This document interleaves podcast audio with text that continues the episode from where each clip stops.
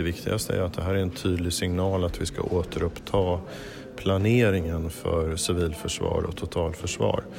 Det allra mesta av lagstiftningen finns på plats men eh, under de senaste 10-20 åren så har det egentligen inte skett någon större planering. Det arbetet måste starta.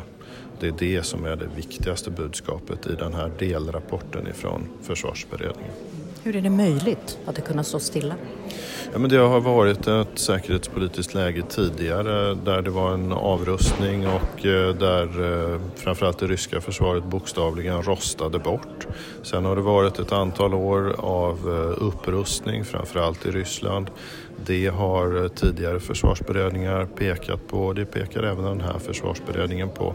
Men nu tar vi också steget fullt ut och vill sätta den eh, civila planeringen och totalförsvarsplaneringen på fötter.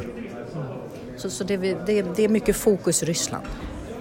Nej, det är mycket fokus på det allmänna säkerhetsläget där Ryssland är en del av det och det är klart att Ryssland är det som finns närmast oss så att det har en uppenbar påverkan. Men det är ju eh, överhuvudtaget så att totalt sett i världen så har vi ju sett under ett antal år hur det har blivit ett sämre säkerhetspolitiskt läge.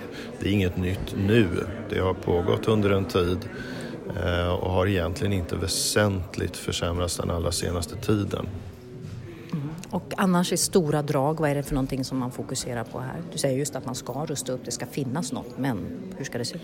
Ja, det handlar ju om hur samhället ska klara eh, i, i yttersta läget då krig, men också skeden som kan föregå ett krig med eh, kriser och vad man kallar gråzonsproblematik och sådant. Och vi har ett samhälle idag som är väldigt sammankopplat. Eh, det förutsätter att vi har ström hela tiden. Det förutsätter att alla datorer fungerar hela tiden. Vi eh, har just-in-time-system för att leverera mat och allt möjligt. Det innebär att även små störningar kan ganska snabbt få stora konsekvenser. Och där måste vi i det svenska samhället bygga en bättre motståndskraft. Och det är ju också det som är titeln på eh, det här delbetänkandet just motståndskraft. Cyberkrig? Eh, ja, det är nog ett betydligt mer eh, troligt och relevant hot än, än ett traditionellt militärt krig därför att eh, det är mycket enklare, det är mycket billigare och eh, det får eh, för en relativt liten insats oerhört stora konsekvenser i ett så avancerat samhälle som det svenska samhället. Det kan påverka betalningssystem, elsystem, eh, massa andra saker. Kan du ge exempel på det, vad vi har sett idag, vad som finns, vad som pågår? Det pågår ju hela tiden olika cyberangrepp och det har bland annat riktats mot eh, flera av de stora mediaföretagen som eh, i praktiken har fått sina hemsidor släckta. Det har gjorts angrepp på våra banksystem. Eh, vi har sett ibland hur tågsystemet exempelvis, det gick inte att boka biljetter för en tid sedan. Det var en effekt av ett cyberangrepp på bokningssystemet. Eh, och sånt skapar stora störningar faktiskt i hela trafiksystemet. Jag var ute och flög den dagen inrikes och eh, eftersom det inte gick att boka eh, tågbiljetter så var det naturligtvis så att många sökte sig till flyget istället och då gav det konsekvenser där med förseningar och ehm, att det var överbefolkat på flygplatser och så. Mm.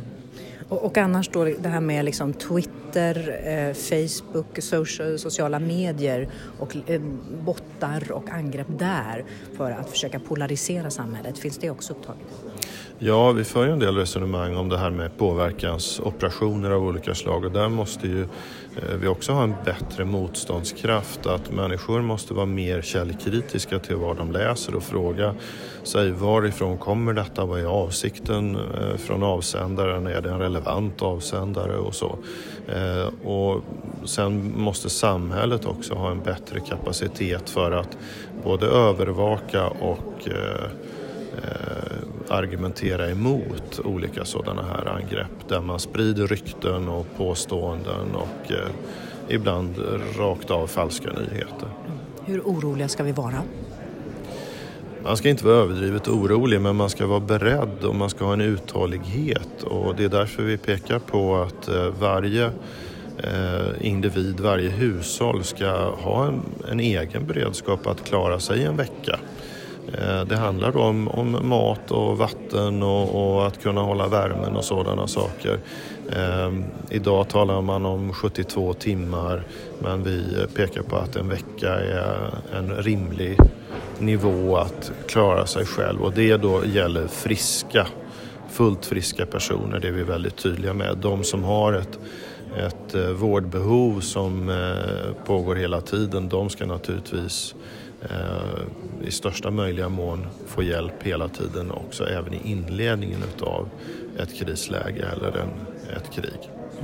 Det här är bara delbetänkande. När kommer slutbetänkandet?